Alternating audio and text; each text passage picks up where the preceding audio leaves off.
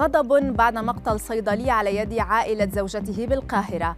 اعتقال تيك توكر أغضب المصريين بفيديوهات خادشة للحياة. رونالدو يثير غضب جماهير البرتغال عقب الخسارة أمام إسبانيا. أبرز أخبار الساعة الأربع والعشرين الماضية في دقيقتين على العربية بودكاست. نبدأ من مصر حيث ضجت مواقع التواصل الاجتماعي بخبر مقتل صيدلي يدعى ولاء زايد على يد زوجته الأولى وعائلتها وبعض من البلطجية. عبر إلقائه من شرفة منزله بالطابق الخامس في القاهرة. تقارير كشفت أن الزوجة الأولى وعائلتها وبلطجية ذهبوا إلى الضحية بهدف إجباره على تطليق زوجته الثانية. لكن الأمر تطور لشجار تخلله الاعتداء على ولاء بالضرب المبرح. ثم إلقاء من الشرفة أمام عيني ابنه الصغير فيما أعلنت الشرطة القبض على المتهمين وإخضاعهم للتحقيق لكشف ملابسات الجريمة البشعة وسط مطالبات بالقصاص من القتلة نبقى في مصر حيث ألقت الشرطة القبض على تيك توكر إبراهيم مالك الذي اشتهر بالظهور مع فتيات وسيدات في بث مباشر وإجراء تحديات معهن. المحامي أشرف فرحات قال لموقع القاهرة 24 إنه تقدم ببلاغ ضد إبراهيم لاتهامه بنشر الفسق والفجور مشيرا إلى أنه يبث فيديوهات على تيك توك خادشة للحياء العام. فيما اعترف إبراهيم أن الهدف من نشر فيديوهاته هو رغبته في زيادة أعداد المتابعين وتحقيق مكاسب مادية.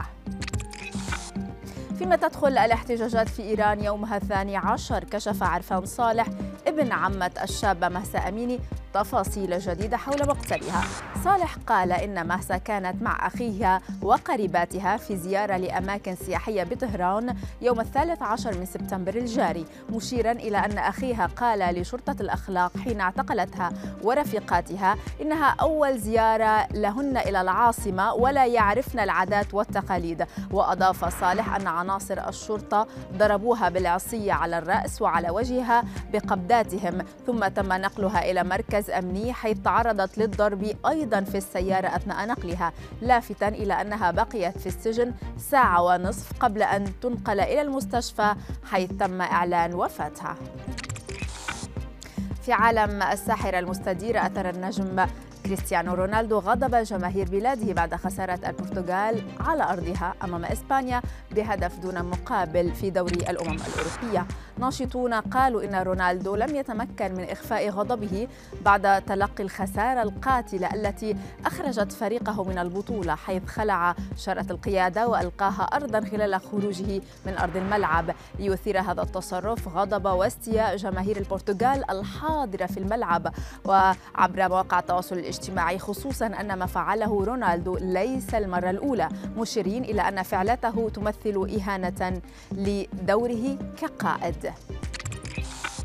وفي خبرنا الأخير استطاع طفل لا يزيد عمره عن عشر سنوات في كاليفورنيا أن يبيع لوحاته الفنية مقابل مئات الآلاف من الدولارات حتى أن معجبيه لقبوه ببيكاسو الصغير.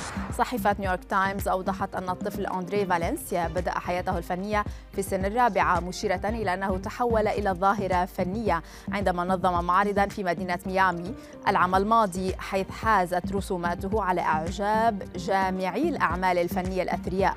وأضافت الصحيفة أن أندري أقام في يونيو الماضي معرضا منفردا لأعماله وعددها 35 وتم بيعها بالكامل بأسعار تتراوح بين 50 ألفا و 125 ألف دولار.